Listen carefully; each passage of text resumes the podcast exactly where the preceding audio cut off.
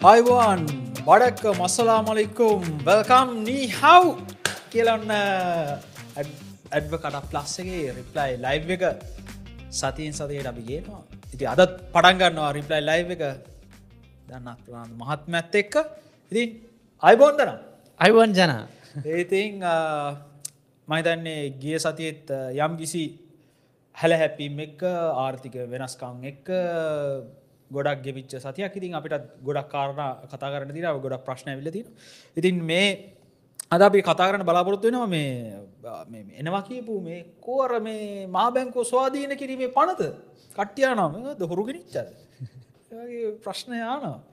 මේ ඉට පස යන මේ දේශපාලන විදේ අපි මයි කඩායන මයික් ටයිසල්ල කෑගහන මේ ආර්ථිකය අකුලලා නෑ මේ අකුල්ලල ඇකිලිලාන මේ අකුල්ලලා මොනහරි විදේශීය බලවේග වගේ බලවේග ක්‍රියාත්මලා මේ අකුලලා කියලා. එක්ගැන අපි කතා කරන්න ඕන. ඉඩවක්ගේම මේ ඇවිල්ලා තියෙනවා මේ අපේ කම්කරු නීතිය පොඩ්ඩක් සාකච්ඡා කරන මොකද අපිත් කම්කරු. අපිත් මේ රට්ට ශ්‍රමයට දායක වෙන කට්ට ඉතින් අපිටත් වැදගත් න මේ පරාට නීතිය ගැන කම්කරු නීතිය ගැන. අන්තින් කන මොකද අපි අපි ඇඩ්ව කතා එක එකන ඩීපලි කතා කරපු එප්සෝඩ් ඇත්තියෙනවා ඇඩ්ව කතා එකට YouTube චන්ල එකට ලොග්වෙල්න්න ඒක අපි ඒ ගැන සෑනටියක් ගැමරට කතා කරා මේ ගිය සති ඉතින් ඒක දනා කරපු දනාත් එක්ක කරන සම්පූර්ණයෙන් YouTube සීරිස්ය ආර්ථිකය පිළිබඳ ගැඹුරු කාරණ උකරට බලාගන්න. ඇඩ්ව කතා YouTube චානල එකට බ්ලොග් වෙලා බලන්න. ඉට පසේ ගොඩක් කට්ටිගේ සිහනය ඇත්තමයි මේ තාරුන්නේ සිහිනය තමයි වාහනයක්. කන්නේ වාහනය සිහිනය සැබෑවෙයිද එ ප්‍රශ්නය මේ ගිය සති ආවති මේ ගැන අපි කතා කරමු. ඉතිං මං එක ප්‍රශ්නය ගන්නන් දනා මේ අපිට ඉදිරිපත් කරපු ප්‍රශ්නයක් මේ මේ අපි කෑ මේ එකන කලතින අපි කෑස් ට්‍රාසන සිිස්ටම්මයක් ගැන කතා කරලා. ඒ වගේම මේ අපි කියන්න ඕන අපි කෑස්ට්‍රාන් ට්‍රන්ස සිිස්ටම්මයක් ගැන කතා කර. ගැන්නේ විවිධ අවස්ථාවලවා එක්ස්පලේන වෙල කතා කරලා තිනවා.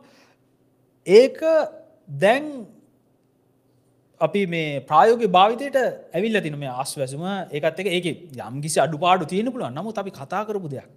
ඇවිල්ල තින ඒවගේ ඔයා සෑහන කාලයක් තිස කතා කර මේ ප්‍රයිවට් බස්සස් බස් දුවන්නේ මේ හරිම ඉන්ෆිෂන් විදියට මේ දෙන්නෙක් දුවන වෙන තැන්වල මේ වෙන රටවල්ල මේ එක්කෙනයි මේක භාවිතා කරන කියලා. දැන් ඔන්න රජය මේ දාලා තිබ්බා ළංගම එක්ස්ප්‍රස්වයකට මේ රියදුරු මහත්මයා පවනයි එතුමා මේ සල්ලිකුතු කරගන්නවා. පොඩ්ඩක් පොඩ්ඩක් මේ අපි කියන ඔඩ්ඩ පොඩ්ඩ අහනවත් දන්න පොඩ පොඩ පොට පොඩි සතුටක් එහෙමනියන් ඒගෙන දත්ත නියන් මේ පේන කියන ඒවගේ ඒ එහම සින්න ඇතිනව නැත්තම් මේ අපි මේ කතා කරන්න ආර්ථික ප්‍රසන්ස් කරනගැන් ඒවා යම්කිසි ප්‍රමාණයකට සිද්ධනකට අපිට ඇත්තරම සතුට ඒකෙන් ඇත්තර වශයෙන් වෙන්නේ ආර්ථිකයට වෙන මේ එකේ ගැන පොඩ්ඩක් කියලා පටන් ගත්තේ. අපි කරන්න දැ ගොඩක් කට්ටය නොමනාද මේකලො කරන්න මේ මෙහෙමයි කියලා. ඔන්න කරපු ඒවල නටපු ඒවල නැටුම් එලියට ඇවිල්ල දින ඉතින් එක ප්‍රශ්නයකට මං ප්‍රථමයෙන් යන්නම්. බණ්ඩාර මහත්‍ය හලදින මහත්වය ම දන්නෑ කියන්න පුළුවන්ද ලංකාව එක්ස්චේන්ජ් රේට් එක කොහොමද නියාමනය වෙන්න කියලා. ඔක්කොමට කලින් පිළි පලිස් ඉතින් මේ මොක අපි අර එක්ස්චේන්ජ් රේට් එක උඩ පහල යන එක මේ අප කෘතිම කරනවාද කියලා කලින් රිප්ලයි එක ලයිව් එකදී හබු එකට ප්‍රශ්නයක් කහල තිනවා මේ කොහොමද මේ එක්ස්ට්‍රේන්ජ් රේට් එක මේ කැන නියාමනයක් වෙන්න කියලා. ගැ නියාමනයක් ද වෙන්න නැත්ත නියාමනයක් කරන්නතු ඔහේ අතරල දාලා තිනවා. ඕජනාව එක්ෂේන් රේට් ගැන හැමෝම නිතර මහන අපිත්තේ ගැන නිතරම කියනවා. සහ මහිතන මේක කොච්චර කිවත් ජනතාවට හොඳට අවබෝධ වෙනකම් නිතරම අපිටේ ප්‍රශ්නයට උත්තර දෙන්න වෙයි. දැන් ඔය අපි ගිය පාර කිව්ව වගේම විනිම අනුපාතිකය කියලා කියන්නේ ඩොලර් එකක් අපි කඩේට ගිහිල්ලා සල්ලි දීල ගන්න ගියොත්තෙම ඩොලර් එක විකුණන මිල තමයි ඔය ඩොලරගේ මිල කියලා නත්තා විනිම අනුපාතිකය කියලා කියන්න. තොට අපි දැන් තියෙන තත්යන අපි කඩට කියල ඩොලර එකක් මුදලාි මුදලාීමට සල්ලිදීලා ඩොලර එකක් දෙන්න කිවොත්ය මුදලාල රුපියල් වලින් සාමාන්‍ය රුපියල් දැන් තියෙන ගාන තුන්සිය පහක්කරේ තුන්සිය දායකරේ වගේ ගානක් අපෙන් ඉල්ලන තොට ඒක තමයි ඩොලර එක මිල එකතම එක්ස්චේන්ජ් රේට් එක කියලා කියන්න. අනි පැත්තෙන් පොලිය කියලා කියන්නේ අපි ඒ කඩේටම ගිහිල් ඒකඩේ ඩොලර් නැතුව අපි ඒකට රුපියල් ඉල්ලුවත් මුදලාලි. මට දෙන්නකෝ. රුපියල් සීයක් දෙන්නකො කිවොත් එහෙම මුදලාලි රුපියල් සීයක් අපිට සල්ලි දීලා ගෙවනවට මුදලාලි එකට එකටත් ගානක් ගන්නවානේ. අන්නේ ගාන තමයි පොලිය කියලා කියන්න. එතකොට ඔය දෙක තමයි ජනතාව එක පැත්තෙන් අවබෝධ කරගන්න ඕනේ. ඊට අමතරව ජනතාව ගොලිය තියාගන්න ඔය දෙකම කන්ට්‍රෝල් කරන්න පුළුවන් ප්‍රධාන එක්කෙනෙක් ඉන්නවා ඩොලර් එකතු කරන්නත් රුපියල් මුද්‍රණය කරන්නත් ලංකාවේ ඒකාධිකාරී බලය තියෙන ආයතනයක් තියෙන ඒ තමයි ශ්‍රී ලංකාවේ මහ බැංකුව. ඒක ඩොලර් එකතු කිරීමටත් වඩා රුපියල් සම්පූර්ණය මුද්‍රණය කිරීමේ ඒකාධිකාරී බලය තියෙන්නේ මහ බැංකුවට. එතකොට මහ බැංකුවට රුපියල් එකතු කරන්න ඒකාධිකාරී බලයක් තියෙනවා කියලා කියන්නේ එයාට කඩේට අර මුදලාලික කඩේටම ඇවිල්ලා සල්ලි අච්චු ගහන්න පුළුවන්නේ ප්‍රින්ටරේ වැඩ කල කොල තියෙනවා නම් ඕන තරම් සල්ලි දීලා කඩේ තියෙන රුපියල් ගන්නත් පුළුවන්.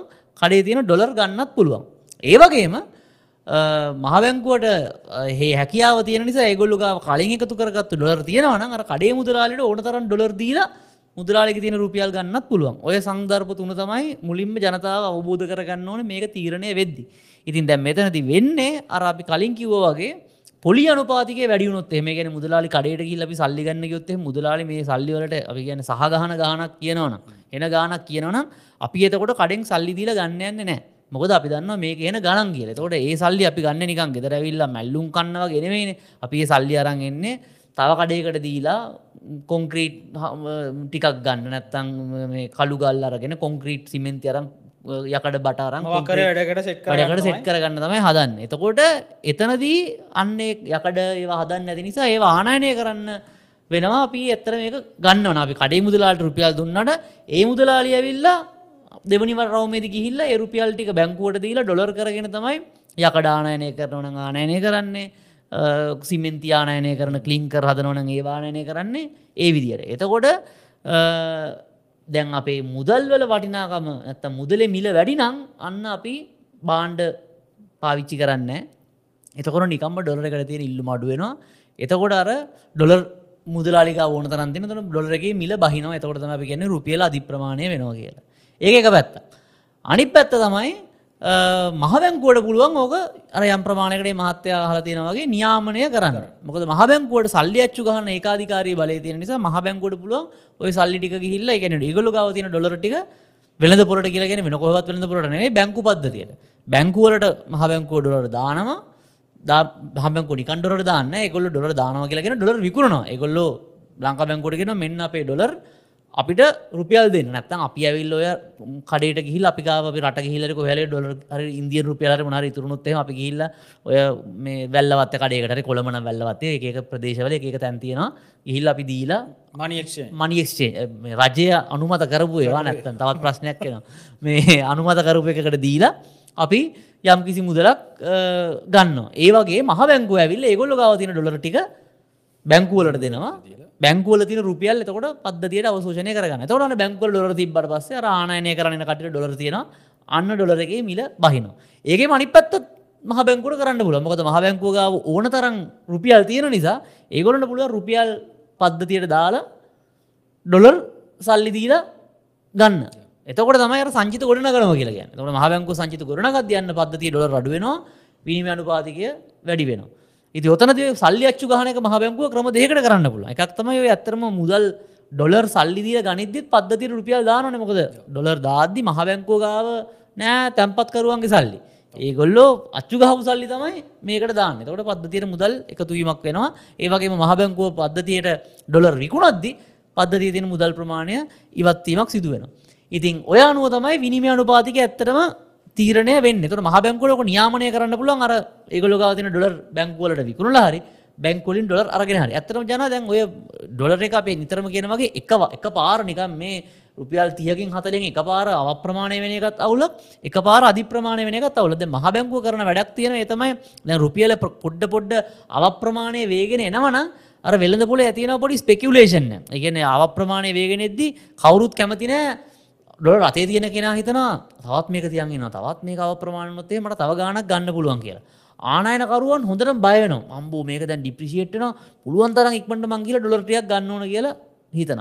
එතකොට මේ පරතරේ වැඩිනයි ආනයකරු පුළුවන් තරන් ඩොලර ඉල්ලනවා. ඩොල රතේ තියන කට්ටි වැළඳපුලට ඩොල දාන්න. එතකොට එන්න එන්න මේක වැඩියනවා එතකොට මහ බැංකුව කරන වැඩේ අරේගොලොන් තින සංචිතලින් පොඩ්ඩක් දාලා මේකයි චුට්ටක් පල්ලහට ගෙන. තොට පල්ලහට ගෙනාපුගම ගන්න ආනයන කළුවන් කරුවන් කැලමිල්ල පොඩ්ඩක් අඩුවෙනවා අතේ ඩොලර් තියන් ඉන්න කට්ටිය හිතනවා ආ දැන් මෙන්න මේක අඩු වෙන්න පටන් ගන්න දැන් පුළුවන් තරම් මේකට ඩොලර් ටික දාලා රුපියල් කරගන්න ඕනේ කියලා. එතකොට මේක යම්කිසි ප්‍රමාණයකට සමබර වෙනවා. මේ මහ බැංකුව අධිපතිතුමා අදහස් කරන ෆ්ලෙක්සිබල් එක්ස්චේන්ජ් රේට් එක කියලා එතුමා අදහස් කරන්නේ ඔන්න ඕක. ඒ කියන්නේ එකපාරට වැඩි වේගෙන යද්දි කන්ට් යම්කිසි ප්‍රමාණයක් ඕකම අනිත් පැත්ත වෙන්නත් පුළුවන්.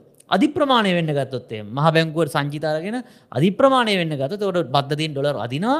එතකොට පද්ධතියේ ඩොලර් අඩු වුණාට පස්සේ සරි පද්ධතිර ඩොලර් ලබා දෙන එතකොට පද්ධති ඩොල තියෙන තොට අවප්‍රමා අධිප්‍රමාණය වෙනවා. අනි පත්ත වෙන්න පුළුව මහ බැංකු පද්ධතියෙන් සංචිත පුළුවන් තරන් ගත්තර පස්සේ පද්ධතියෙන් ඩොලර් ඉවත් වෙනවා. එතකොටත් ඒකෙම අනි පැත්ත සිදුවෙන්න පුළුවන්. එතකොටත් ඒගොලු කරන්නේ පද්ධතියෙන් ඩොලර් ටිකක් අරගෙන අර තියෙන ට්‍රෙන්ඩ් එක පොඩ්ඩක් අඩු කරන ගැන පද්ධතියට ගොඩක් ඩොලර් එනවා. නමුත් කවුරුත් ඉල්ලන්න ඉල්ලන්න ඇති වුණාට පස්සේ එතකොට ඔන්න රුපියල එන්න අධි ප්‍රමාණය වෙනවා නැත්නම් ඩොලර් එක අප්‍රමාණය වෙන්න ගන්නවා. එතකොට මහ බැංකුව ඇවිල්ලා පද්ධතියෙන් ඩොලර් ටිකක් මිල දීලා ගන්නවා.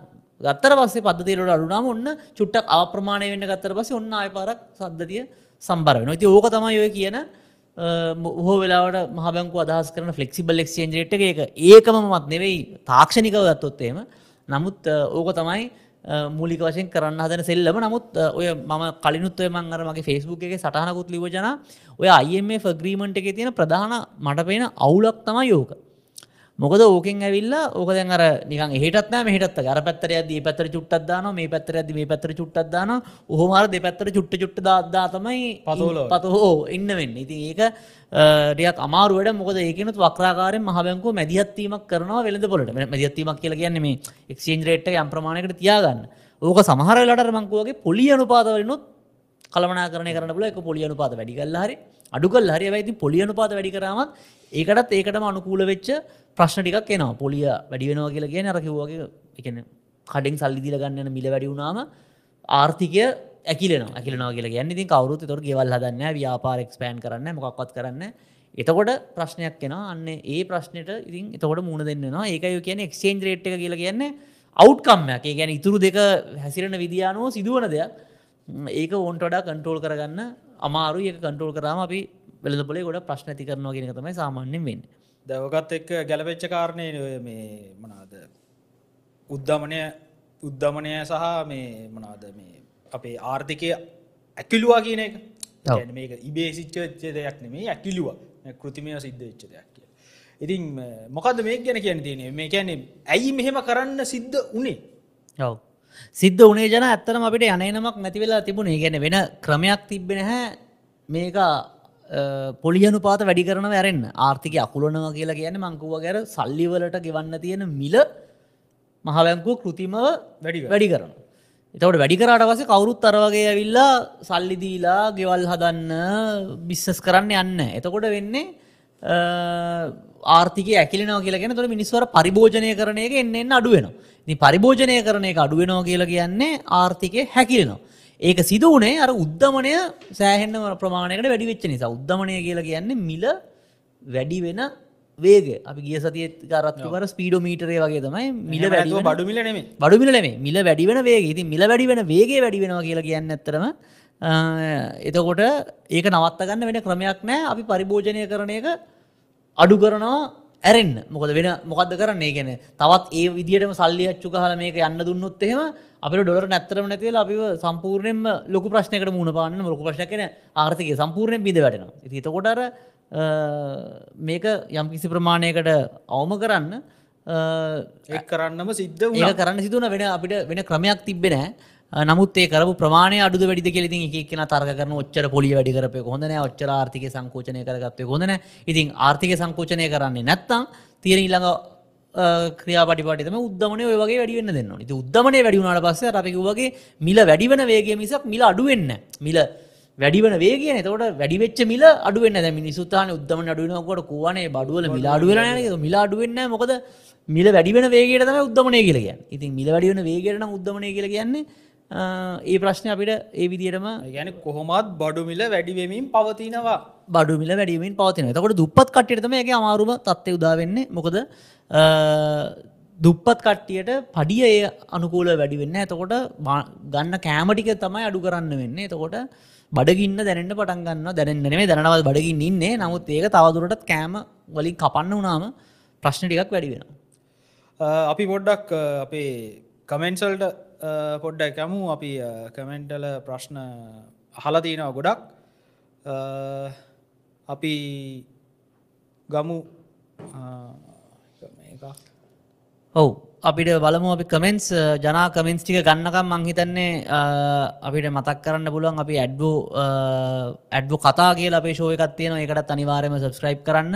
අ, මොකද ඇඩ්බෝ ඇඩ්බෝ කතායගේ ඔගුලුන්ට විශේෂ මොනහරි දැනුමක් තියෙන ආර්ථිකය සම්බන්ධ කෙනෙක් එක්ක අපිට අ, සාකච්ඡාවක් කරනවා. ඉති එතකොට ඒගේ බලාගන්න පුළුවන් ඒ කන්වසේෂන් එක. ඇඩ්බෝ කතා කියන YouTube චැනල එකට අනිවාරෙන්ම සබස්ක්‍රයිබ් කරන්න. ඒ වගේම අ, ඔව් මං එතනින් කියලා අපි ප්‍රශ්න ගමුණේ ජන.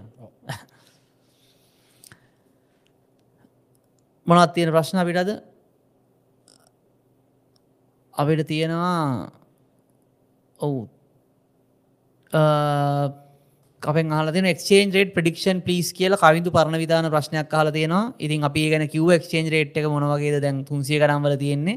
අ, ඉතින් අර IMF ග්‍රීමට එකට අනුව ඒගොල්ලුන්ගේ අපේක්ෂාව අනුව මං හිතන්නේ ඒගොල්ලොයි ගණනය කිරීම අපි ආපස්සර කරණය කරම් ඒගොල් එක්ෂේන් රේට් එක මෙහෙමෙනවා කියලා කියලනෑ අපසර කරණය කරම් ඉතින් සාමාන්‍යයෙන් තුන්සිය තිහ තුන්සිය පණහා ඒ වගේ ගානක් යයි කියලා තමයි අපේක්ෂා කල දෙන දස් විසිතු අවරුද්ධ වෙදීගොල අපේක්ෂා කරන ඇතරම සියට පහක අටක වගේ ආර්- ඒ රු- රුපියල අව ප්‍රමාණයවීමක් තමයි බලාපොරොත්තු වෙන්නේ.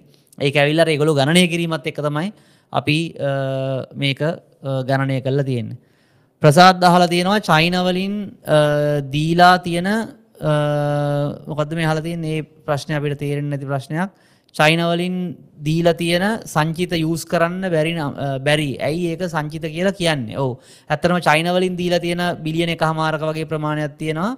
ඩොලර් ඒක පාවිච්චි කරන්න බැරි වුණාට ඒක සංචිත කියලා සලකන්නයි කියන ප්‍රශ්න උත්තරේ තම ඇතරම ඒක පාවිච්චි කරන්න පුළුවන් යම් කිසි ප්‍රමාණයකට චීනෙන් බඩු. බඩු ගෙන්න්නනවනම් වගේ ඒ වගේ දේවල්වලට නමුත් ඒක පාවිච්චි කරන්න බැරිවුණත්තර ඒක චීනෙන් දීපු එකක් නිසා සහ ඒවගේ හදිසි අවශ්‍යතාවයකද පාවිච්චි කරන්න පුළුවන් නිසා තම එක සංචිතර ගන්න නමුත් මංහිතන්න ඔයදීල තියෙන ප්‍රමාණය මගේ දැනුම සහ මතක නිවරදිනම් චීනයෙන් අ, ලැබෙන සමහර දේවල් සඳහා පාවිච්චි කිරීම හැකියාව තියෙන එකර වෙනස් දිනක චීන යවාන් වලින් තමයි තියෙන්නේ. අර ඕන කෙනෙක් එක්ක පාවිච්චි කරන්න පුළුවන් එකක් නෙවෙයි. ඉතින් චීන යවාන් වලින් ගනුදෙනු කරන්න නැති කෙනෙක් වුණොත් එහෙම ඒක පාවිච්චි කරන්න බෑ. ඒක තමයි තියලා තියෙන නමුත් ඒක චයින වලින් ඉතින් ඕන ඔය සංචිත කියලා කියන්නේ ඇත්තටම ඔක්කොම ඩොලර් වලින් නෙවෙයි තියෙන්නේ. රත්තරන් තියෙනවා වෙනත් ජපාන් යෙන් තියෙනවා. අර ඔය කරන්සි බාස්කට් එකක් තමයි සංචිත විදියට තියාගෙන ඉතින් ඒකේ චීන ඒවත් තියෙනවා. නමුත් ඒ චීනෙන් දීපු බිලියන 1.5 යම්කිසි කොන්දේසි වල යටත්ව තමයි තියෙන්නේ. ඒක තමයි ඒක මුලින්ම මූලික වශයෙන් ගත්තේ නැත්තේ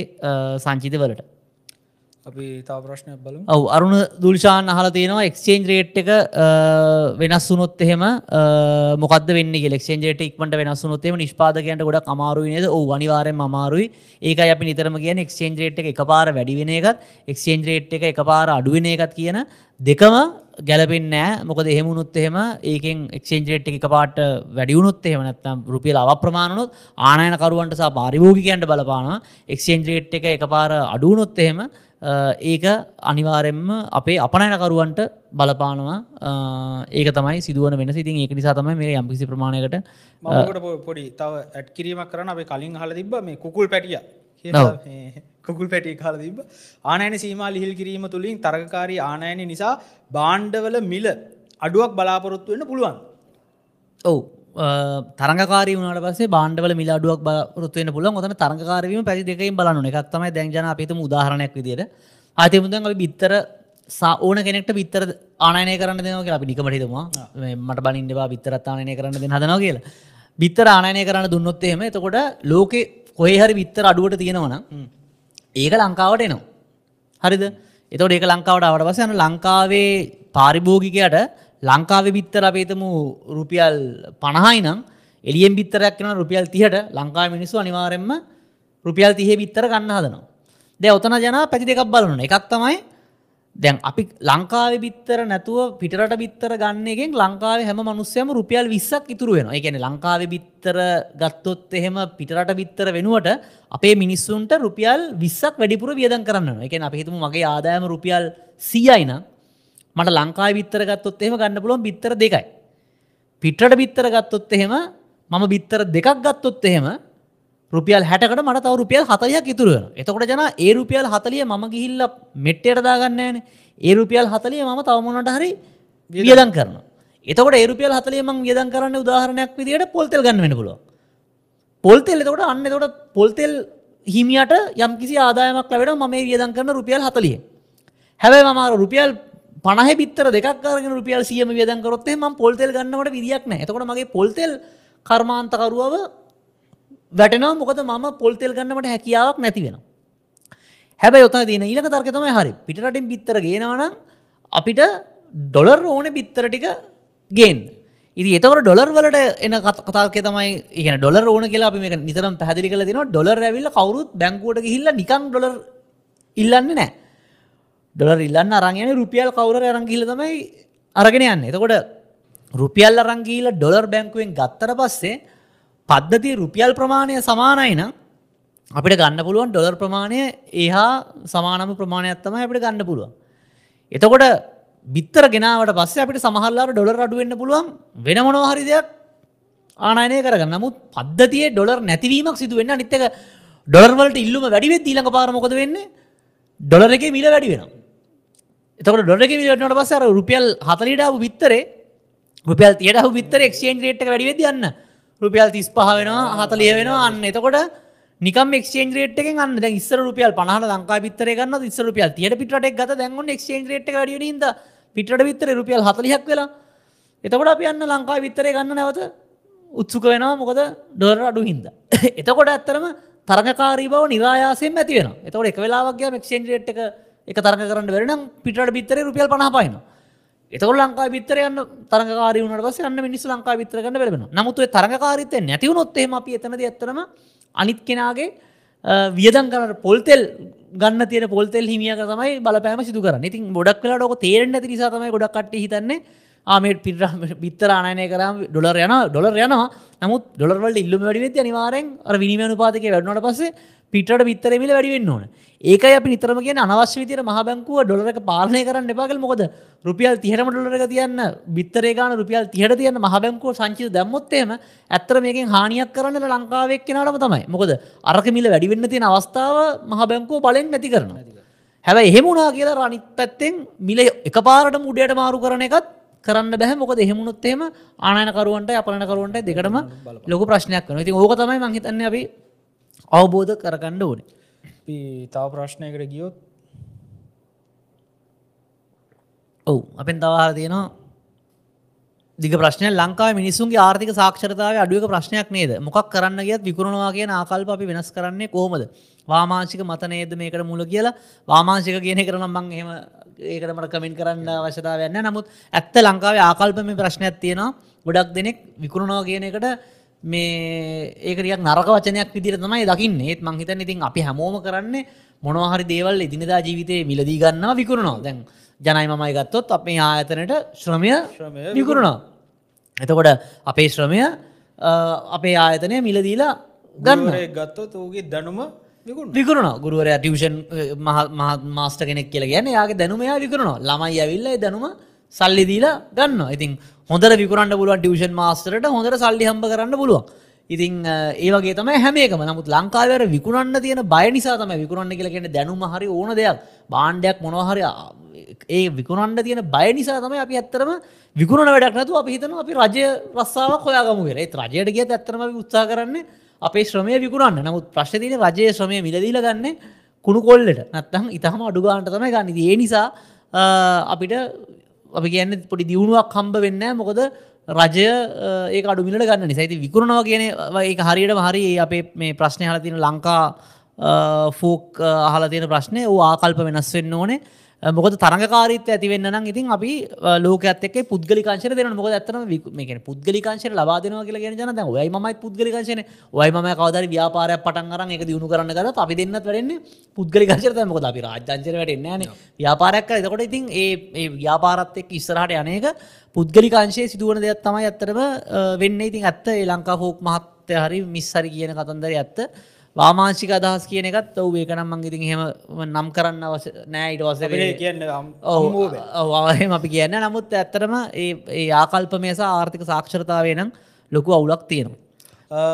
පොඩ්ඩක් දැන් ප්‍රශ්නත් ගත්තගේ පොඩි ඇඩ්ඩ අද්දාල අඩ්ඩ දමට දානෝ ඕගේ එනම් පොඩි ඇඩ්ඩකට මේ අපේ සප්‍රිපෂන් ප්ලෑන් ගැන තමයි මේ ඇඩ්ඩ එක. ගැන මෙමනාද කට්ටිය හන මේ සප්‍රයිප් කරන්න හම මේ YouTube එක විතර සප්‍රයිප් කරන අපේ සේවාවල් ලබා දෙනම් අපි මේ ආර්ථකය පිළිබඳව ඔයාල්ලට ගන්න පුළුවන් සේවාවන්. මොනවගේ ආර්ථික කරුණු ගැන?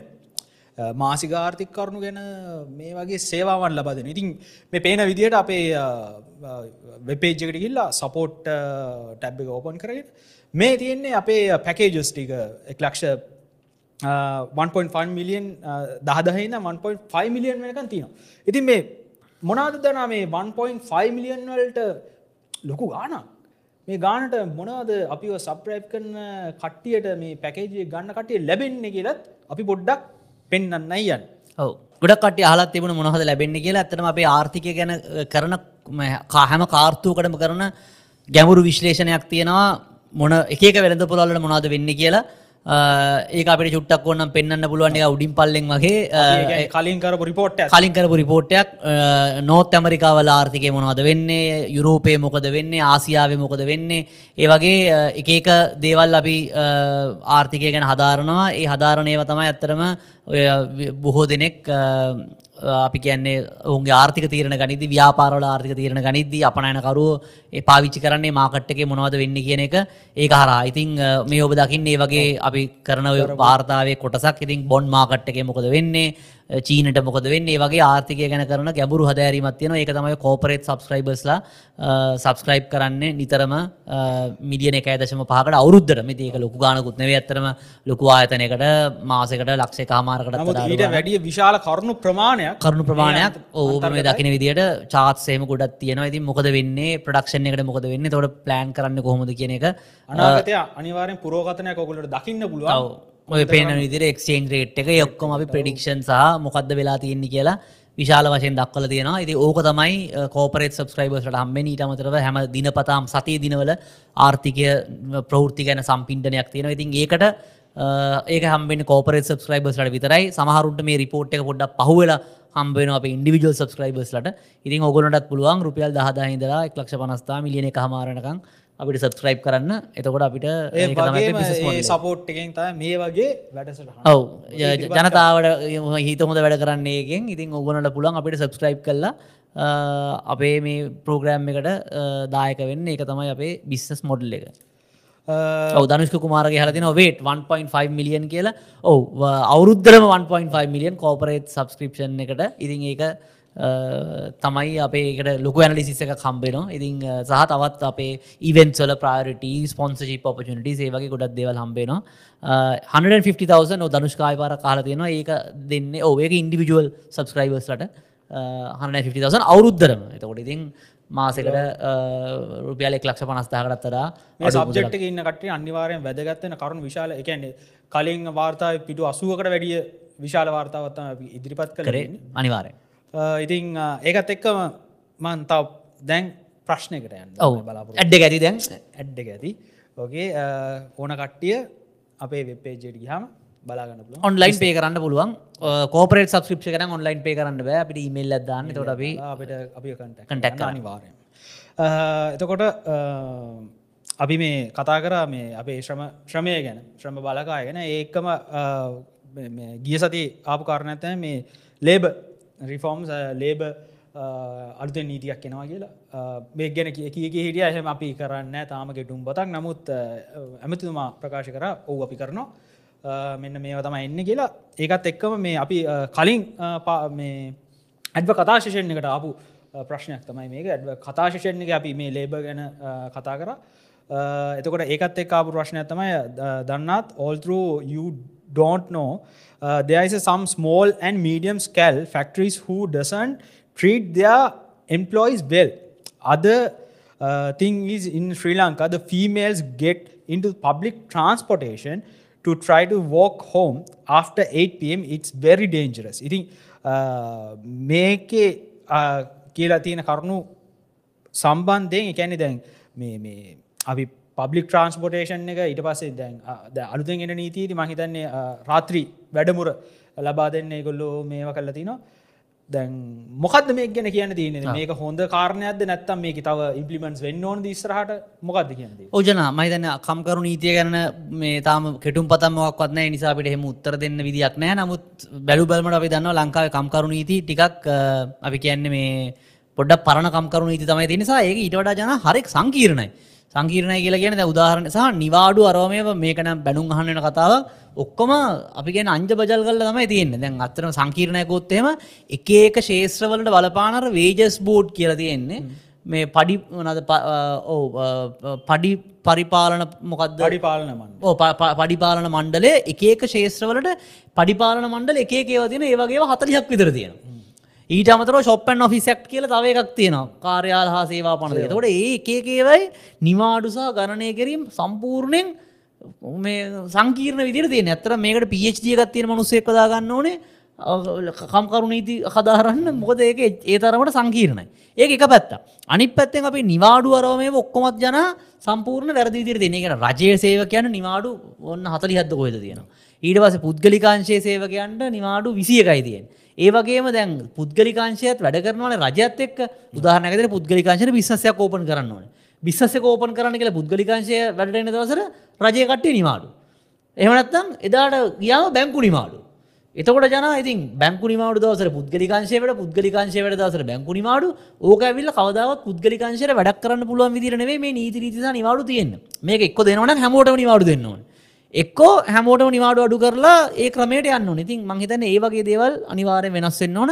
අර මහත්මය හල තිබුණේ ඉතාම්පත්ම නරක විදියට සේවය මේ සේවකන්ට සලකනයව ඉන්න නේද? ඔහු අනිවාරෙන් ඒක අනිවාරෙන් යම්කිසි නියාමනයක් අනිවාරෙන් අවශ්‍ය අපි නිතරම කියන වෙනද පොලේ නියාමන ක්‍රමයක් අවශ්‍යයි.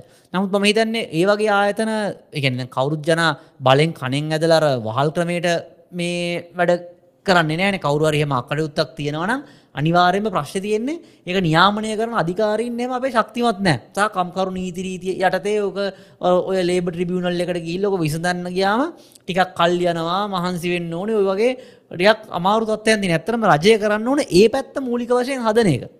ඒ පැත්ත හැදුවට පස්සේ අනි පැත්තෙන් පුළුවන් අර අපි කියන්නේ තරඟකාරිත්‍යයක් තිබට පස ශ්‍රමයටත් එතකොට කවරුත්ව නරකදිර සලකන්න ඇතරම දැන්ව සමහර ආයතනවල අපි දන්න අයිට කම්පනිසලේම ප්‍රවාහන පහසුකන් දෙන රාත්‍රී කාලෙදි. ඒ ඇවිල්ල කම්කරු නීතිය නීති අදදාලන ප්‍රවාහන පහසුකන් දෙන්න ඕන කියලා. ඒ ඇවිල්ල ආයතනයර හොඳ සේවකයන්ව ට්‍රැක් කරගන්න තමයි ප්‍රවාහන පාසුකන් දෙන සමහරේ දවල්ට කෑමත් දෙන කොහෙවත් කම්කරු නීතිය කියල න දවල්ට කෑම දෙන්න ඕන කිය ඒ ඇවිලර හොඳ කට්ටියව අවසූෂණය කරගන්න උනාම ඒ ඒ ආයතනවලින් එකක ස්කීම් දෙන සමහරයවයි පාටි තියෙනවා. මන්දැක්ක සමහර කුඩා ශුද්‍ර පරිමාණ ආතන කැමර ඩොටෙල් එකක කොහෙද මන්දක්කයි හොඳ සේවකට කාරකක් දීලදිය කපරුකේ මන්දැක සප්‍රයිස් එකක දැක් ඒ වැවිල කම්කරු නීතිවල තියෙන නිසා කරන දේවල්වෙන කම්කරු නීති අප්ඩේට් එන්න ඕන. ඒ අප්ඩේට් නොත්තම මං හිතන්න අපිට ඉස්සරහට යන්න පුල මොක දැන්තින කම්කරු නීතින ටියක් කර යල්පැන කියව ෝම මේ සංකීරණ එකත් තියෙන්නේ. එක කාටවත් දඩයන්ගේ කම්කරුණ දඩයම්ගේ කම්කරුණ තියෙන්නේ. ඒක කාටවත් මේ එච්චර හොඳ එකක් නෙවෙයි. මේ අනි පැත්තින් අපි ගත දැන් සමහර ට්‍රේඩ් යුනියන් වල ඉන්න ට්‍රේඩ් යුනියන් වල වැඩ කරන්න නැති කට්ටිය. ගැන විශ්‍රාමගත්තකට විශ්‍රාම කට්ටියත්න දැන් උදාහරණයක් දිර එහම අගෞරවයකට කියනවේ හෙද සංගමය සභාපතියන්න ස්වාමීන් වහන්සේනවා එතකොට එතොර කොහොමද ඒ වගේ සිකන ඒ දැන් සාමාන්‍ය වෘතියකට ඒකත් එක සම සම්බන්ධ කටියන දැකට එලිය ද මන්දක්කාර එක්සත් ජාතික පක්ෂය කවද මන්ත්‍රීවරයක්කින්න එතුමා තව මොකක්ද යෘතිය සමිතියක නායක තකට දැන් මේක දැන් ෘතිය සමිතියක් වුණනාට සංගමයක් හදන්නේ. ඒක ඒක ඉන්න කට්ටියව දැන් අපන අපනයනකරුවන්ගේ සංගමයකොට පස්සේ ඒක ඉන්න බෑන මේ අපනෑන නොකරන මනුසේ ඒ අපනයනකරුවන්ගේ සංගමය කෙනෙත් තම ඉන්න ඕනිතින් ඒ නිසා ඒක මහිතන නීතියෙන් ඉට තියෙන හම කරන්න. එක නීතිමේ වැරදක් නේ නමුත් ඉතින් අර ඒව දේශපාලනය කරනය වෙලා ඒවගේ ප්‍රශ්නත් තියෙනවා. ඉතින් හැන දුරකට ඒක වෙනස් තැනකට යොමු වෙලා යොමු වෙලා තියෙන ඉතින් හෙමුණට පස ඇතරම ඇත්තකම්කරුවන්ගේ ප්‍රශ්ටික එලියට එන්නෙත් නෑ ඒව දේශපාලන බලයකට උපයෝගී කරගන්නවා. ඉතින් ඊට පස්සේ ගොල්ලු එකබද්ද වෙලා හැම එකම එක පාට ප්‍රශ්නත් ඇති කරනවා. ඒවගේ මර මහත්්‍ය හල තිබ්බර අපේ මේ මොනාද ප්‍රවාහණය ගැන. ඉතින් ඒකත් වැදගත් ප්‍රශ්නයක් මං හිතන්නේ ඇත්තනම රජය කරන්න ඕනය කම්කරු නිති සරල කරලා වඩා කාරක්ෂම පොදු ප්‍රවාහනයක් ඇතිවනවත් වාතාවරණයක් ඇති කරන්න ඒකට ඇතර පුද්ගලිකංශයට අවස්ථාව දීලා අපි කලින් කියල තියෙන වගේ මොනහර රාත්‍රී කාලයට ගාස්තු වැඩිපුර අය කරන්නස ඒ සමහර ගාස්තු තියෙනවනම් ඒවට ඇත්තරම රජයට අපි කියෙන සහනාධාරයක් දෙන්න පුළුවන්. හෙම අවශ්‍යන නැත්තං ඇත්තරම ඔය අපි කෙන ආයතන හොඳ පත්සවය සේවාවත් තියෙනවන ආයතනලින් පුළුවන් ඔය කාද් සරි මොනහරි ඒ වගේ ක්‍රමයකට ඒකට සබසිඩයිස් කල්ලා ආයතනලින් ප්‍රවාහන පාසුක ලබා දෙන්න. ඉතින් ඒවගේ දේවල් තිබුණන් ඇත්තරම ඔයිට වඩා අපේ කාරක්ෂමතාවය වැඩි වෙනවා. එහ මුණනාන් ඇත්තරම ලංකාවට මීට වඩා ඉස්සරහට යන්න පුළුවන් කියනක තමයි කතා කරන්න තියෙන් අපි තව මේකත් ඕ මහිතන මේකනම් පොඩ්ඩක් පුද්ගලික ප්‍රශ්නයක් වගේ. මොකක්ද සෙමින එකක් කරනවා නම් කොහොමද යාලාව සම්බන්ධ කරගන්න? ඒකට කොච්චර කොස්ට එකක් යනවාද? ඔවු අපිතින් එහෙම සාමා එම සල්ලිනන් ගන්නෑ. මේ ඒගැන්න මේ ඔව අධ්‍යාපන කටයුතු සඳහා. අපිට ඊමේල් එකක් එවන්න අපේ මහිතන ඉන්ෆට ඩ්බුකාට.ෝර්ජ කියලා ඊමේල්ලක් ඇතිකට ඊමේල්ල එකක් දාන්න.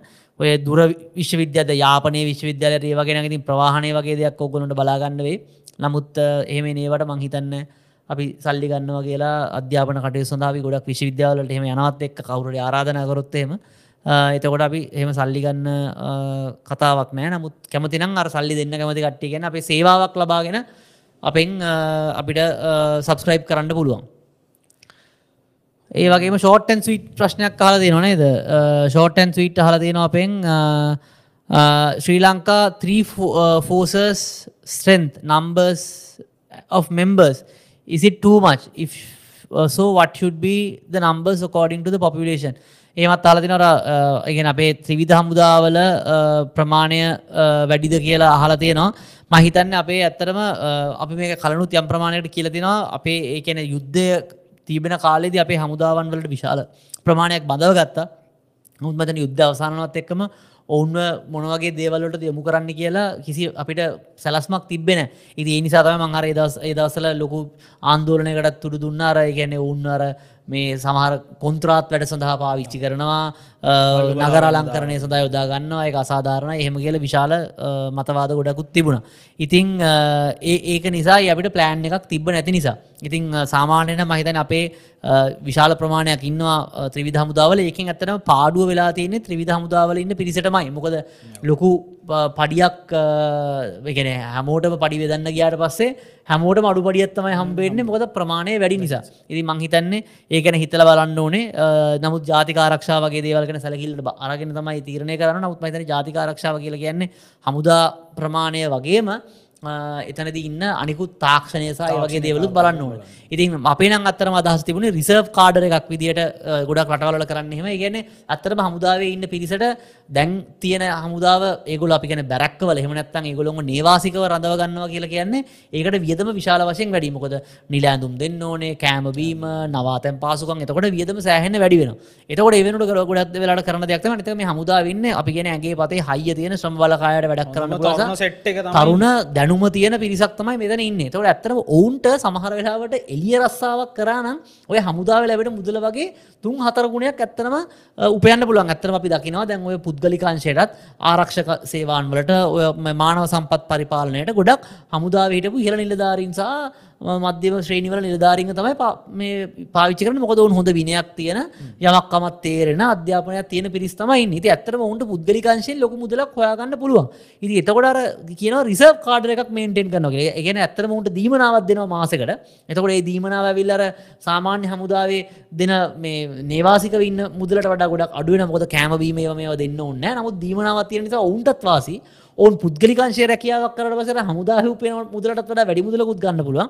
අර අමතර දීමනාවකුත් හම්බෙන තකොට ඒ දෙක නිසාම ආර්ථිකයට විශාල වාසියක් කම්බෙන මොකද අපේ ශ්‍රම බලකායදැන් ගොහ කට්ටිය රට යන නිසා ඒක පුරුවන්න හැකියාවතින ඕක තමයි බොහෝ රටවල් වල සිදු කරන ක්‍රියාපටි පාටිය ඉතිං ඒක තමයි මංහිතන්න අපිට කරන්න පුළුවන් එක දෙයක්. ඇත්තනම කර ගිය වර හිටපු මුදල්ල මත්තවර මට හම්මෙන් අපිට හම්බෙන්න්න කිවට පස්සේ අපිත් ඕක අදහසක් විදිරකුව තුමත් ඇත්තරම එක වුණා එක වුණා කියලගන්නේ එක හොඳ අදසක් කියල. මොකද ඇත්තරම එතකොට ඇත්තරම අපි කිවේ එක ස්වෙච්චාවෙන් ඇත්තරම ඕක කරන්න කැමති ආරක්ෂකංශවල නිලධාරනුත් බොහෝ ප්‍රමාණයක් ඉන්න මොකද ඔවුන් සමහලට කලින් විශ්‍රාම ගන්න හෙම දේවයිති ඇත්තරම ඒ හරහා අප ආරක්ෂකංශවල කාරක්ෂමතාව වැඩි කරන්න පුල නමුත්ති ඕක අපි කියන කරන්න හල කරන්න එපා. ජාතික ආරක්ෂාව ගැන දන්න ඔවුන් එක සාකච්ඡා කල් ඉතින් කරන්න ක්‍රමවේදයක් තියෙනවානේ. ඒ ක්‍රමවේද අනුව කරන එක තමයි මංහිතන්න වඩාත්ම ගැලවෙන්නේ ඊට පස්සේ මම තව ප්‍රශ්නයක් ගන්න අපිට යොමු කරලා තිබ්බ මේ දිනේශ් විද්‍යේසි වීරසිංහ මහත්මය මේ පොඩ්ඩක් මේ පිර දැම්ම මේ මේ ආර්ථිකර්බුවත් එක්ක ගොඩක් දෙනෙක් මේ ආජන යෝජනා කරම මේ සල්ලි හොයන්න මොකක්කාරි කරලා දඟලන් එතකොට මේකට මේ පිරමීඩ කතන්දර ඇවිල්ල තියෙන ක්‍රිප්ටෝ කරන්සවලින් මේ මිනිසුම් වංචා කරන තැනකට ඉල්ල තියෙනවා. ඉතින් මේ ගැන පොඩ්ඩක් දනුවත් කරන්න කියලා මේ පොඩ්ඩක් කියලා තියෙනවා. ඔව් ඔවු ඇත්තම පිරමීඩවලට අහුවෙන්න්න එපා. ඒක මහ බැංකුනුත් කියල තියෙනවා. මොකද ගොඩක් කියලට මේ වගේ ආර්ථික අමාරු කාලවලදී ගොඩක් ඔය වගේ වංචාසාගත කතන්දර එනවා ඉතින්. හැමෝම ගානක් කපාගන්න බලන්න මොනහරි කල්ලා එතකොට ඔය රටයවනවා කියලා සල්ලි ගන්නවා පිරමිට් කරනවා. එක ඒක ඒවා කියනවා ඉතින්. එකඒක හේතු අරන්ගෙනවා මොනහරි කියලා කියක් හරි ගානක් කඩාගන්න නිසා හරිම පරිස්සමෙන් ඔය වගේ මත දයාගන්න අපි දෙයක්ත්තමයි ජනා. සල්ලි හම්බ කරන්න ෂෝට්කට් නෑ ඉතින්. ඒ කියන්නේ අමාරු ගෙන මහන්සිවල වැඩ කල්ලා තමයි කරන වෙළඳපල ක්‍රමයක තියෙන පදනමත්යකන හැමෝගෙම මහන්සියට තමයි මහන්සිය කියලා කියන නිකම් මේ ශ්‍රමය කම්කරුවෙක් වගේ වගරුණවා කියන එක මනේ වෙයි ඒකත් එක එක ක්‍රමයක්. නමුත් ඊටමතර දැනුම සහ ඒ තාක්ෂණය ඒ පාවිච්චි කරනට තමයි යම් කිසි මුදලක් ලැබෙන් ඉතින් ඒක ඇර වෙන ක්‍රමයක් එනවා කියලගෙන ඒක කොහේරි අවුලත් තියෙන එක්ක එක හොරකමක් වෙන්ඩෝන එහෙම නැත්තන් ඒක වැරදි ක්‍රමයකින් අරංකිල තමන් අමාරු වෙටන වැඩක් කෙටිකාලින්න හෝ දීර්ඝ කාලිනවා ඉති ඒ නිසා ඒ වගේ ක්‍රමවලට නැඹුරු වෙන්න එපා කියන එක තමයි කියන්න තියෙන්නේ. ඕකාරාර ශාක්ෂරතාවේ කතන්දරයටත් ඕක එන ඕක එකතු වෙන ලංකාවේ මිනිසුන්ගේ මේ මේ ආර්ථක පිළිබඳ ශාක්ෂරතාවය පිළිබඳ ප්‍රශ්නයක් තියන අපි එකෙන් ශාස්ත්‍රතාවේ පිළිබඳ අධ්‍යාපන ශාක්ෂරතාව පිළිබඳ ඉතාම ඉදිරියෙන් හිටියට අපිට මේ දේශපාලනක සහ ආර්ථික මේ ශාක්ෂරතාවේ පිළිබඳ යම් කිසි අඩු ලුහුඩු කරමත් තින ඉතින් ඒක දියුණු කරන්න තම අපි මේ වගේ දෙවල් ඉදිරිපත් කරන්න. අපේ ආයතනවල අපි ශෝෂල් මීඩියවලින් ඔබ දනුවත් කරන්න. ඒක ඒ අඩලුහුණුකම පිරිමහාගෙන ඉදිරියට ඔබට ආර්ථිකය ශක්තිමත් කරගන්න. තව ප්‍රශ්නයක්. ප්‍රශ්න තිරන සොමිබෝයි අප නිතරම් ප්‍රශ්නානෝ සොමිබෝයි සොමිබෝයිගේ ප්‍රශ්නත බලමු. ලංකාවේ දැන් තෙල් ගෑස් සෙන්ශල් මිඩිසන් හෙම මිඩිසින් හෙම ගෙන අයට නෙමේ නේද? ඒවා ගන්න ගේන්න තරම් ඩොලර් රට එවනවා නේද? විදේශ ශ්‍රමිකයන්න වන සල්ලි සංචාරකයන්ගේ ඩොලස අපනෑන වලින් කව වෙනවා කියලා තමයි හලතියන ඔවු මහිතන දැන් සැලකයුතු ප්‍රමාණයක් කව වෙනවා. නමුත් ඒක තාමත් යම් කිසි ප්‍රමාණයක් මදි. මොකද සමහර අත්‍යවශ ෞෂධයම තාම ගේන්න දැනට ශ්‍රමිකයන්ගේ වෙනමෙන් සෑහන ප්‍රමාණයක් කව වෙන මොකද අපිට මේ වෙලා නයටගන්න විදිකුත් නෑන ඩොලරහෙම පිටරටවලින් දෙන සල්ලි වගේ දේවයින් තමයි. මේ වෙලා වෙදී මේ අපි කියන්නේ ලංකාව යන්ත මැනේජ් කරගන්න. ඒ නිසා දැනට ඔවු එහෙම හැකියාවත් තියෙනවා. ප්‍රශ්නයක් ඇවිල්ල තියෙනවා. ප්‍රශ්නයක් ඇවිල්ල තියෙනවා. අපෙන් අහලා තියෙන්නේ Oh, why does the prices rise up just after the day when rupees depreciated against the dollar but won't reduce prices when rupees appreciated against the dollar? ඔව් කනිෂ්ක වික්‍රමසිංහ තමයි අපෙන් අහලා තියෙන්නේ. Uh, uh, ඒක ඇත්තටම ඇත්ත අපි ගිය පාරත් මේ ගැන යම් කිසි පොඩි විස්තරයක් කරා. අර රුපියල අවප්‍රමාණය වෙච්ච ගමන් හෙට ඉඳන්ම බඩු මිල වැඩි වෙනවා. අධි ප්‍රමාණය වුණාට පස්සේ එහෙම වෙන්නේ නැහැ. ඒක ඇත්තටම අපේ අර කූට වෙළඳුන්ගේ එක තත්ත්වයක් ඒක එක හේතුවක්. අනිත් පැත්තෙන් ඔතන ආර්ථික විද්‍යාත්මක වෙන්නේ දැන් ඕක බලා ගන්න පුළුවන්. දැන් මාසේ අන්තිම වෙනවා. දැන් ඔය පෙට්‍රල් ෂෙඩ් වලත් ඔය වැඩේ බලා ගන්න පුළුවන්. මාසේ අන්තිම දවසේදී ෂෙඩ් වල කවුරුත් ඇවිල්ලා අපි කියනවා මේ ෂෙඩ් වලින් ඇවිල්ලා තොග තියාගන්න නැහැ. මොකද මිල අඩු වෙනවා කියලා දන්නවනම් ඒගොල්ල දන්න එතකොට ස්ටොක් එක වැඩිමිලට අරගෙන අඩුමිලට ගහන්න වෙන්න ඇති නිසා ස්ටොක් අඩු කරගන්නවා එතකොට අර මාස පටන්ගන්න දවසට හෙන පෝලිමක් කෙන ෂෙඩ්ඩල මොකද තෙල් ගහගන්න කටියත් මාස අන්තිම වෙද හිතනවා ඊළඟ වරතා තෙල්මිල අඩුවේ. ඒ නිසා අපි තෙල් ගහගන්නතු අර පරිස්සමින් ඉඳලා මාස පටන්ගත්තාම ගහනගේ තකොට ඔන්න හෙන ගහන පෝලිමක් කෙනවා මාස පලවිනිද දෙවනිද පලවිනි සතිය එන පෝලිමක් කෙනවා අනි පැත්තෙන් ඇවිල හදිසිරි තෙල්මිල වැඩිවෙනවා කියලා තේරුණුත් එහෙම අන්න එතකොට සෙඩ් එක මාස අන්තිමට දවස් දෙකට කලින් හැවිල්ලා ෂෙඩ් එක වහනවා. පූරෝල බොඩු බොඩු. පුරෝල තියාගන්න වහනවා සහ තෙල් ගහන කටියත් ඇවිල පුළුවන් තරම් පොලිමීදල ගහගන්න බලන්න මාසීවර වෙන්න. කලින් මොකද මාස පැන්නොත්තෙම තෙල්මිල වැඩිවෙනවා කියලා දන්න නිසා. ඉති ඔය වැඩීම වෙන ඇත්තරම බාණ්ඩවලටත් මොකද එක පාට බඩුමිල වැඩි වෙද්‍යර තොක වෙලඳුන්ටික එකන තියාගන්නවා විකුණන්න. එති ඕක ඇත්තරම කරන්න තියන්න ඕක තරඟකාරිත්‍යයසා නියාමනය හරහම තමයි යෝක නවත්ත ගන්නවෙන්න මොකද ඇත්තම තරඟකාරිත්‍යයක් තියෙනවන කවරුහරි වැඩිපුර මිලට විකුණක්දී එතකොට අනිත් කෙනට හිතනවා ම මෙයාට වට පොඩ්ඩක් හරි අඩුවට දුන්නොත්තේ මට බිස්සක වැඩිවේ කියලා. ඇති ලංකාවගේ පොඩි වෙළඳ පොලක සමහල්ලාටම තරඟ කරන්න තරඟකරු ප්‍රමාණයක් මදි. නමුත්තර ගොඩක් මිල කෝඩිනේට් කල කරන අපි කලනුත් කියලෙන එක නීති විරෝධ හිරයන වැඩක්. ජනයි ම එකම බාණ්ඩ විකුණ අපි දෙන කතාවෙල කියන්න බෑ ජන. අපි මේ ගාන උත්සල විකුණමු කියලා. මොකදහෙම කරොත් එහෙම ඒක සම්පූර්ණය නීති විරෝධී වැඩක්. එතකොට මිල කෝඩිනේට් කරන එක තහනම් නමුත් ඔතනදී අනි පැත්තෙන් වෙන දේ තමයි ඇත්තටම අර ම- රුපියල් අවප්‍රමාණය වෙද්දී අර වෙළඳුනුත් පොඩ්ඩක් කලබලට පත් වෙනවා අද රුපියල් අවප්‍රමාණය වෙන නිසා මට ඊළඟ තොගය ගෙන්න ගන්න අ, සල්ලි මදි වෙයිද කියලා. එතකොට ඒ නිසා ඒගොල්ලෝ ටක් ගාලා පහුවෙන ඉඳන්ම මිල වැඩි කරනවා. මොකද ඊළඟ තොගේගෙන් සල්ලි මදිවෙයි කියන අපේ මේ ප්‍රශ්නයක් ඒගොලොන්ට එනවා අනි පැත්තෙන් මිල අඩුවෙද්දි කලින් තොග ගත්තේ කලින් මිලට නිසා ඒ තොකටික විකිනකන් ඒගොල්ලෝ යම්කිසි කාලයක් ගන්නවා අ, මිල අඩු කරන්න. ඉතින් ඒක නිසා තමයි සාමාන්‍ය ඔය වාතාවරණය උදා වෙන්නේ. ඉතින් ඒක ආර්ථික විද්‍යාමය පැත්තකුත් තියෙනවා. අ, වංචාසාගත පැත්තකුත් තියෙනවා. ඒක තරඟකාරිත්‍ය අරහමය කරන්න වෙන්න. මොකද ඕකටිති වෙන ඔප්ෂන් එකක් අඩුයි. අ, ක්‍රමේ හරා ඉතින් බලෙන් කනින් ඇදල කියන්න විදියක් නෑ වැටලීම් වගේ දේවල් කරන්න පුළුව නමුත් ඒ වගේ දේවල් කරන්න ගියම් වෙන්න ඉතින් අර පගාවක් දීලා තවකාවාරි හම්බ කරගන්න වැඩේ තමයි සාමාන්‍යයෙන් වෙන්නේ.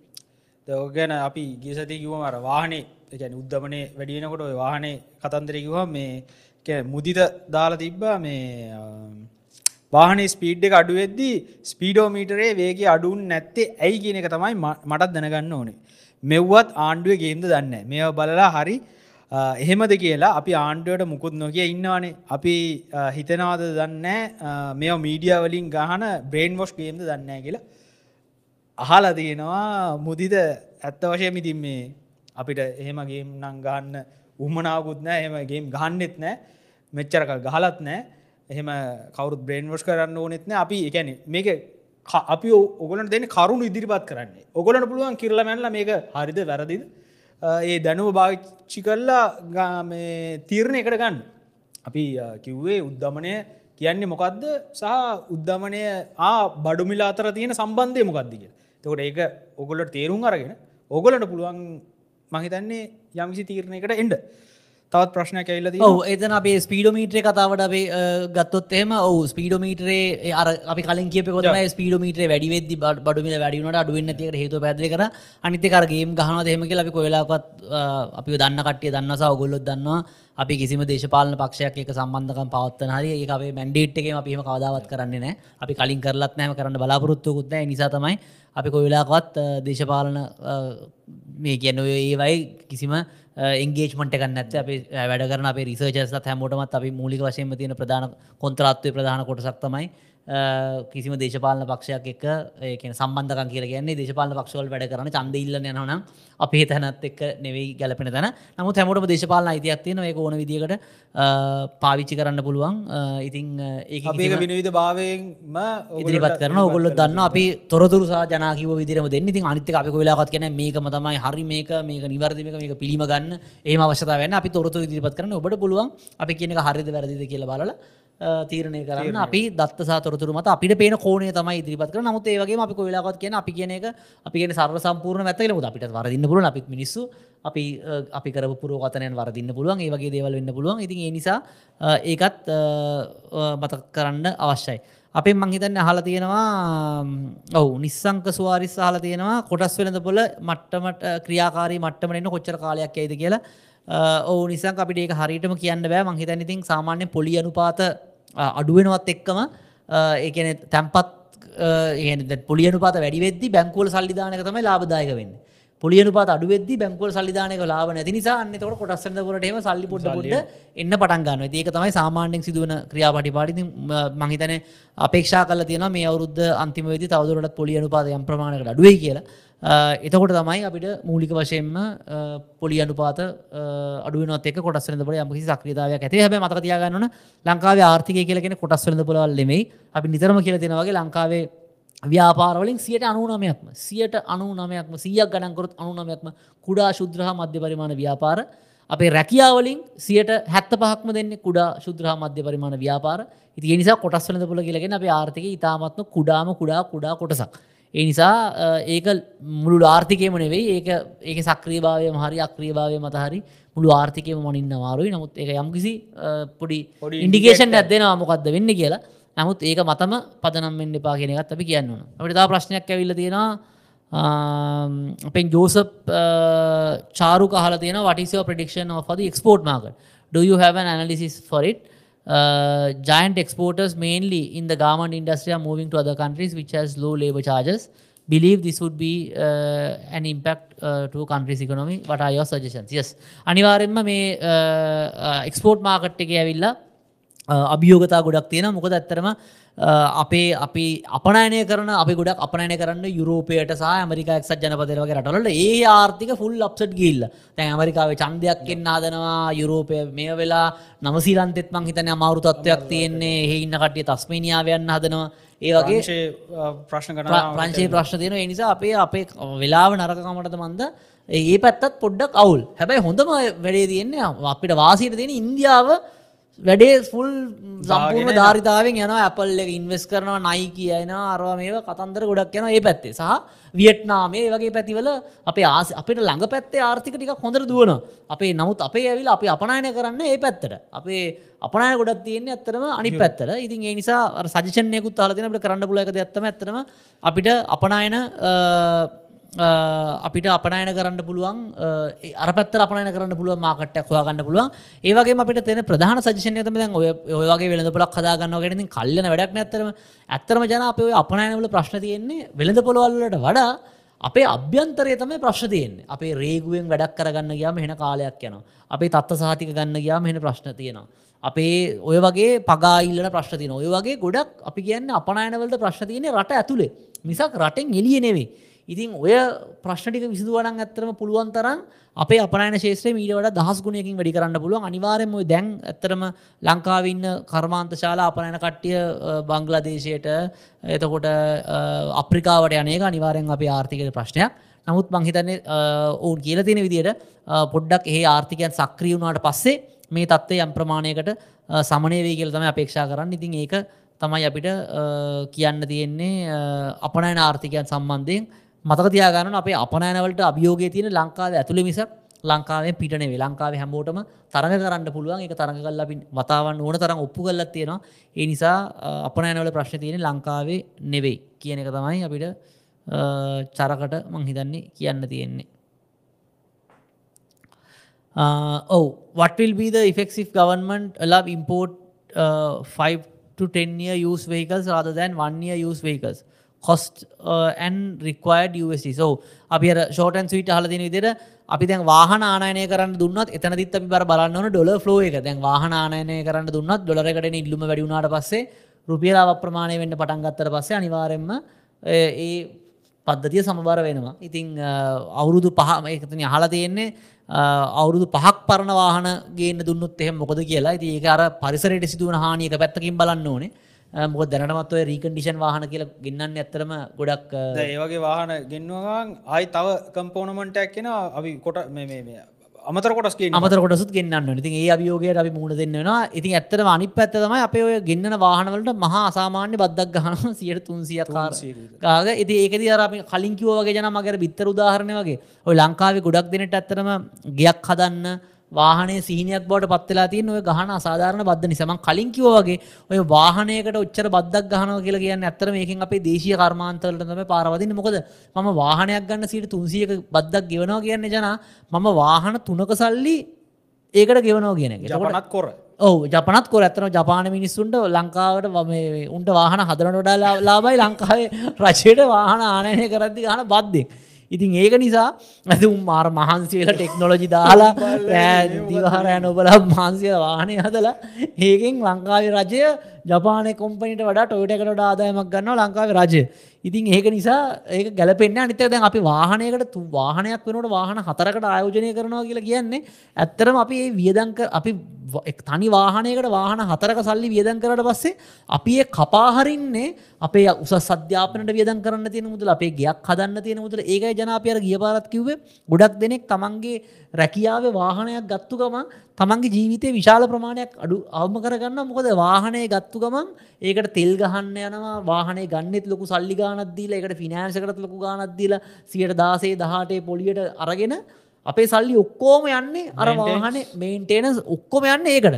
එතකොට ඒකට ගියාට පස්ස ඇච්චර ලොකු ගාන බදු ගහනවා නති එතකොට ඇවිල් අපිට ඉදිනදා ජීවිතය කරන්න තියෙන වැඩ එකක්වත් කරගන්න හම්බ වෙන්න මොකද මුළු වාහනයටම මුළු අපේ ආදායම යනවා. සමරයට බිස්න බිස්නසය පටන්ගන්න පුළුව මොනසේ කෙන්න්නත් පුල සල්ලි හරියට හරි. ඒක නිසා ලෝක අනිතරටවල් මහිතන ගොඩක් කට්ටියගෙද ඉතින් අය ලක්කර නංගිල මලිල වාහන මේ රටවරටල පාවිච්චි කරන ඒවයි වාහන ඇවිල්ල මේ ලොකු දෙයක් මේ වාහනයක් ගන්නවගෙන නිකම් මේ කලට ගිල සබන් කල්ලක් ගන්නවගේ වැඩ ඉතින් ඒක සිහිනයක් බවට පත්කරපු නිසා තමයි අපේ ආර්ථික සෑහෙන් හැකිලීමත්තිය නතක රජය විශාල බදවාදායමක් ගන්න ඔය වාහනානයට විශ්සකින් ඒකන ඔයක හේතුකුත් ඇත්තර මානයන නවත කරන්න දෙමුද කියලා හන්න රජය ආදායමක් ගන්නවා කියනකන ඉතින් නමුත් ඔතනද අර ම කිව්වගේ රුපියල අත්තරම අවප්‍රමාණයෙන් ඉඩ දෙනවනම් වාහනවල මිල වැඩිුණාව මිනිස්සු නිකම්ම වාහන ගන්න එක අඩු කරයි.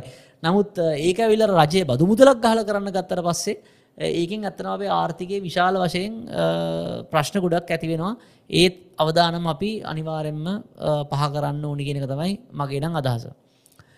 අපෙන් කවද කිහන්ස වික්‍රමසිං හල දෙන could we be satisfied with the reducing inflation rate because the reduction is a, as a result of arti, uh, artificial engagement of policy makers රිෆසින් debt payments import බැන්සෝ ඇත්තරම ඔය උද්දමන අඩුගල තින කලින්කිව වගේ uh, ඉන්ට්‍රස්රේට් එක. පොලි අනුපාත සෑහෙන්න වැඩි කරලා. ඉතින් උද්දමන අඩුවෙන එක හොඳයි. ඕ දැන් අඩුවල තියෙන ප්‍රමාණට අඩුවෙන මහිතන මේ අවුරුද්ධ අන්තිම වෙද්දි uh, තනිලක්කමයාගේකට ඒකලතම අපේක්ෂා කර නමුද අප හිවගේ උද්දමන අඩුවනවා කියලා කියන්නේ බිලා අඩුවනවා කියන නේ නමුත් උද්දමන අඩුවෙන් ඕන. හෙම අඩුවනොත්තම ඇත්තරම අපිට වාසියක් තියෙන්නේ මේ නැත්තන් තවත් මේ ප්‍රශ්න උද්ග වැඩි වෙනවා. ඇත්ත නයගෙවන් නැතුව සහ ඉම්පෝට් බෑන් දාලා තමයි ඇත්තරම ඔය තරවෙන් හරි ගොඩ ගිහිල්ලා තියෙන ඉම්පෝට් බෑන් වලට වඩා අර පොලියනු පාත වැඩි කරපුවෙන් තමයි ওই ප්‍රමාණයෙන් හරි ගොඩ ගිහිල්ලා තියෙන්නේ. ඒක තමයි මං හිතන්නේ අපිට දකින්න හම්බෙන හේතුව.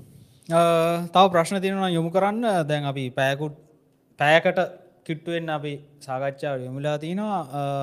මම තව ප්‍රශ්නයක් කහන්න මට දැනගන්න තිබ්බ මේ මේ මොනවද? දවාහන ගෙන්න්න දෙයිද කියන ප්‍රශ්නය ගොඩක් දෙන කහල තිබ්බෝක් ගැන.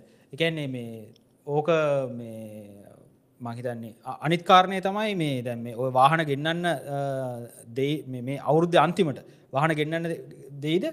ඕක ආයිමත් අර චක්‍රය වගේ අපිට ඩොලර්වල්ට නැවතත් අපිට අර්බුදයක් වෙයිද කියනද. ඕජන වාහන ගෙන්න්නන එක ගැන මම දකින්නේ දැන් අපේ ප්‍රධාන වශයෙන් අපි වාහන ආනය කරන ජපානෙන්නේ.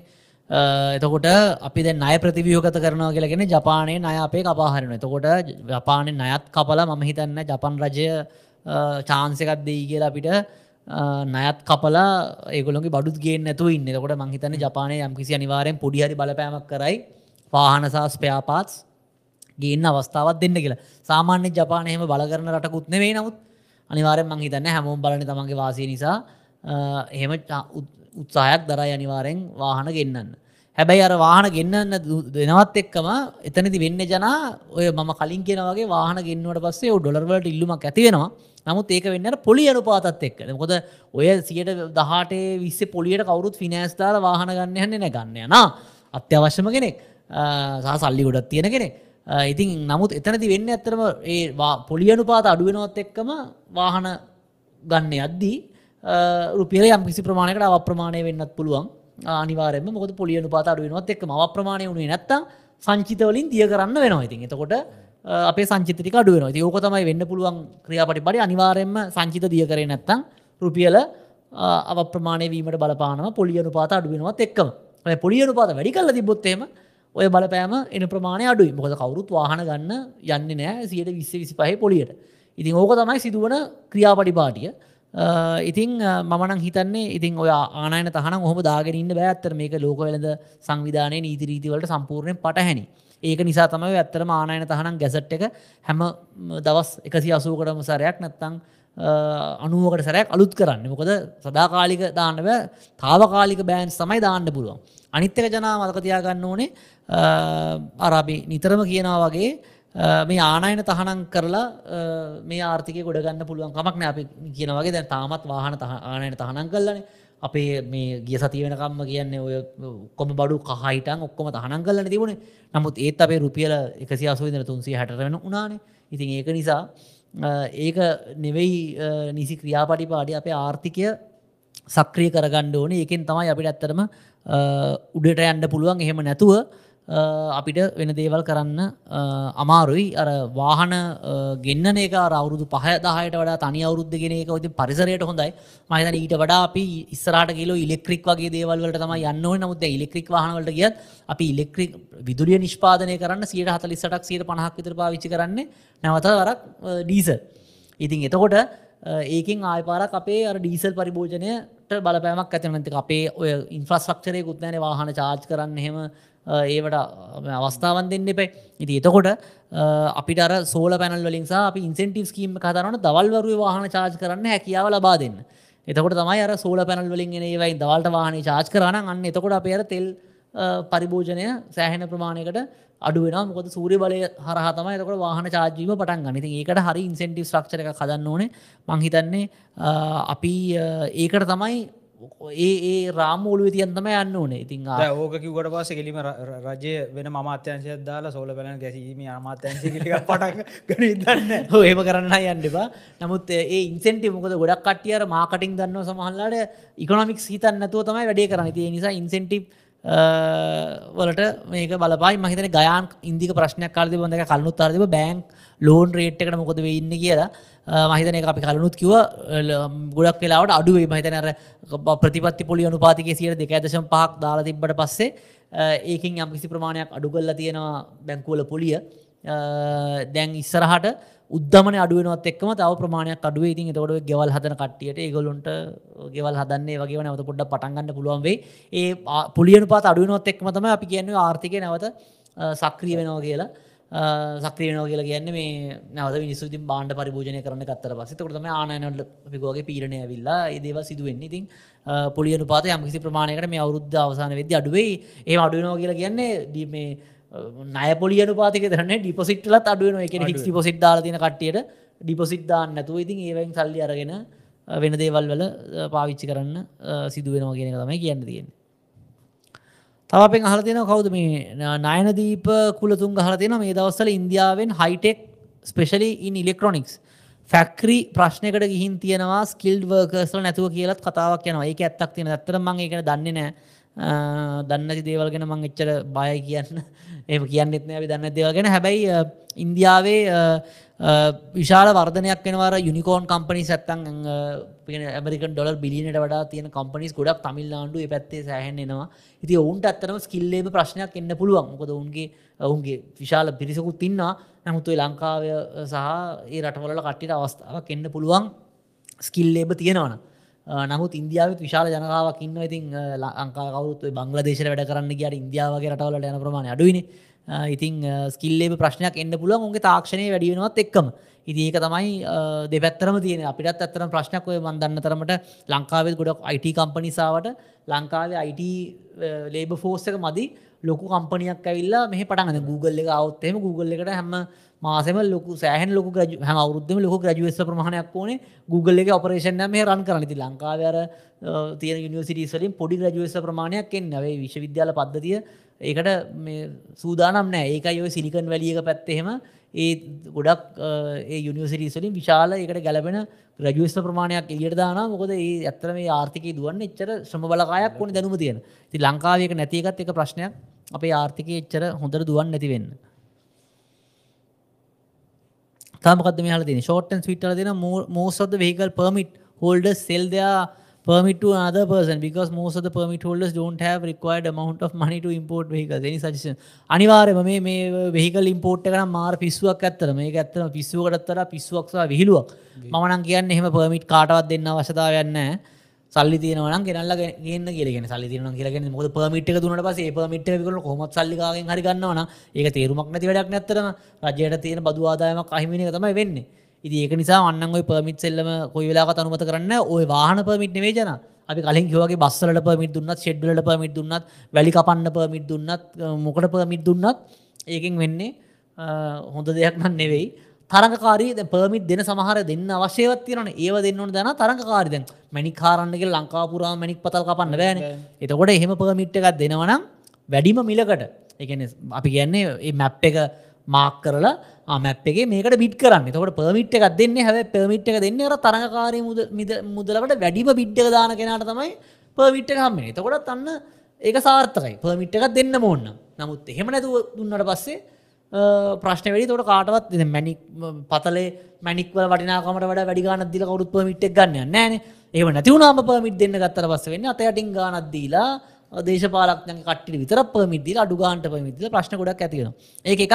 අනිත්‍ය ජනාව ගොඩක් කට්ටියට වරදින දෙයක්ත්තමයි දැන් හිතනා මේ අර ආනායන තහනම් කල්ලා දේශීය වශයෙන් කතන්දරයක් නිතර වෙනවාන. දැන් බිත්තර කතන්දරයකම අපි කියෙනවා රුපියල් උදාහරණයකට කියන්නේ දැන් රුපියල් තිහට එලියෙන් බිත්තරයගේන්න පුළුවන් අපි කියන රුපියල් පණහට ලංකා බිත්තර ගන්න අරක ඩොලර් යන හින්දා රුපියල් 30 බිත්තර ගන්න එපා කියලා.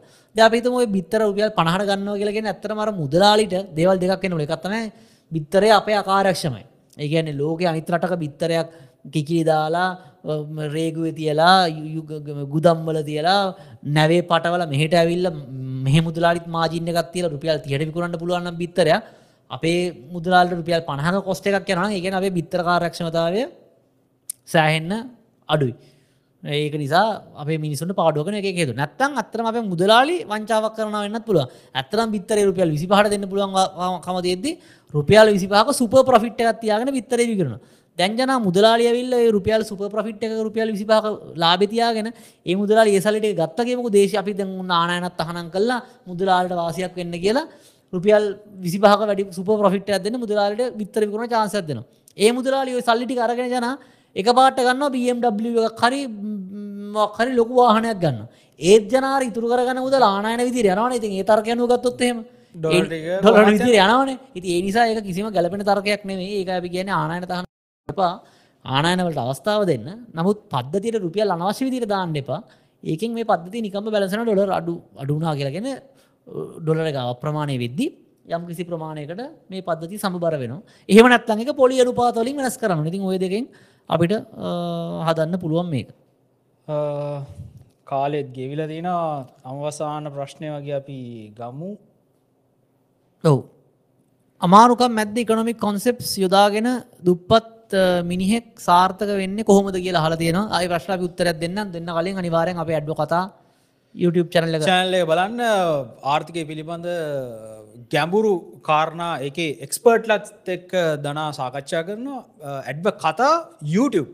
ඇඩ්ව කතා කියලා ගහන්න YouTube එකට ගිල් අපි ලිංක ඩිස්ක්‍රපෂන් එකෙත් අපි කමෙන්ටලත් දානවා ලිංක ටක්ගාල දාන්න අපේ ඔවු කොමෙන්සර ලිංක එක දාන්න. ලිංක එක දානවා. දාපු ගමන් අපි අනිවාරයෙන් අපේ ශෝෂල් මීඩිය ෆේස්බුක් ෂයාගන්න ගිල්ල බලන්න ඒ ආර්ථික කාරණු ගැන ඔගොලොන්ට ගැඹුරු දැනුමක් ඇැන්නේ පිටිං ඔය කරුණු ඔගොල්ලොන්ට මේ මාස් මීඩිය වලින් හවාගන්න බැරි කරුණු රීසර්ච් කල් හවාගන්න බැරි කරුණු සමහරලාට අපේ දැන් ගිය පාර අපි අ, ගෙන්න්නපු අපේ අ, විද්වතා එකතු වනේ ඔස්ට්‍රලියයා විදා ඉතින් පිටරට ඉන්න සියලු දෙනාගේ දැනු කරුණු අපි යොදාගන්නවා මේ ආර්ථික කරුණු ගැන සාකච්ඡා කරන්න.